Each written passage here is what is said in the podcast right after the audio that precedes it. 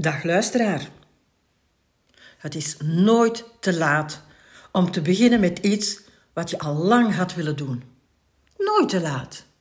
Hoezo? Ben je te jong? Ben je te oud? Ik ben te oud. Wanneer je droomt om dat boek te schrijven. Wanneer je droomt om van job te veranderen. Wanneer je droomt om die reis te maken waar dat je nu wel het geld voor hebt. Je leeftijd kan een grote hindernis lijken op de weg die jij zo graag zou willen bewandelen. Kijk naar mezelf. Ik was 42 jaar toen ik mijn eerste vlieglicentie heb behaald. 42 jaar, kan je dat voorstellen?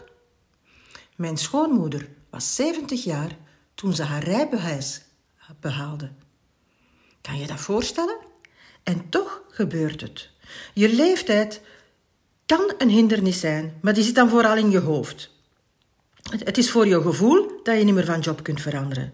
Voor jou is het te laat om dat of dat te doen. Je wil dolgraag nieuwe dingen leren, maar je leeftijd laat het niet meer toe. Onzin.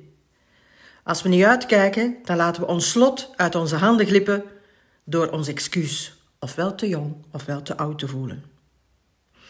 Vroeger was het excuus dat je nog niet genoeg ervaring had, dat je je dromen niet waar kon maken.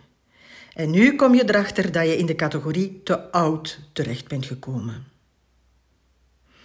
Gedachten zijn leeftijdloos. Als je in het nu leeft, dan ben je niet meer bezig met hoe oud je bent. Je kijkt alleen maar naar wat je op dit moment graag wil doen.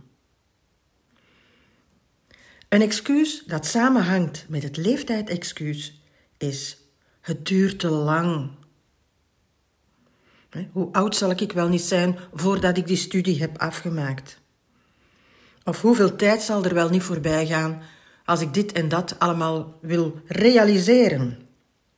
Hoe dan ook, de tijd klikt en tikt gewoon verder.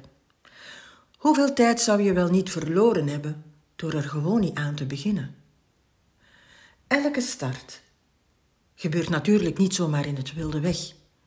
Je neemt je voor, je kijkt naar je toekomst, wat je graag wil bereiken. Je stippelt je route uit. Je houdt rekening met uh, omstandigheidsfactoren. Het is net zoals bij het vliegen. Je stippelt je route uit, je houdt rekening met de omstandigheden, met het weer, met de dynamiek en, en zo verder. En op een bepaald moment, als je gestart bent, kan je beginnen omkijken naar je eerste ervaringen. Mensen, dat is geweldig, geloof me. En dat geeft je moed en energie om verder te gaan.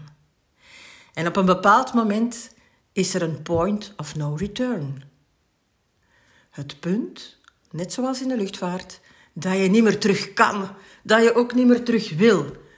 Dat je gewoon blijft doorgaan tot je je doel hebt bereikt. En dat is echt geweldig. De point of no return zorgt ervoor dat je zeker je doelstellingen haalt.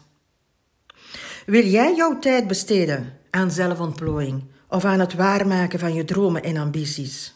Of zou je binnen enkele jaren met weemoed willen nadenken en reflecteren over de dingen die je had willen doen? Ik denk het niet. Veel succes!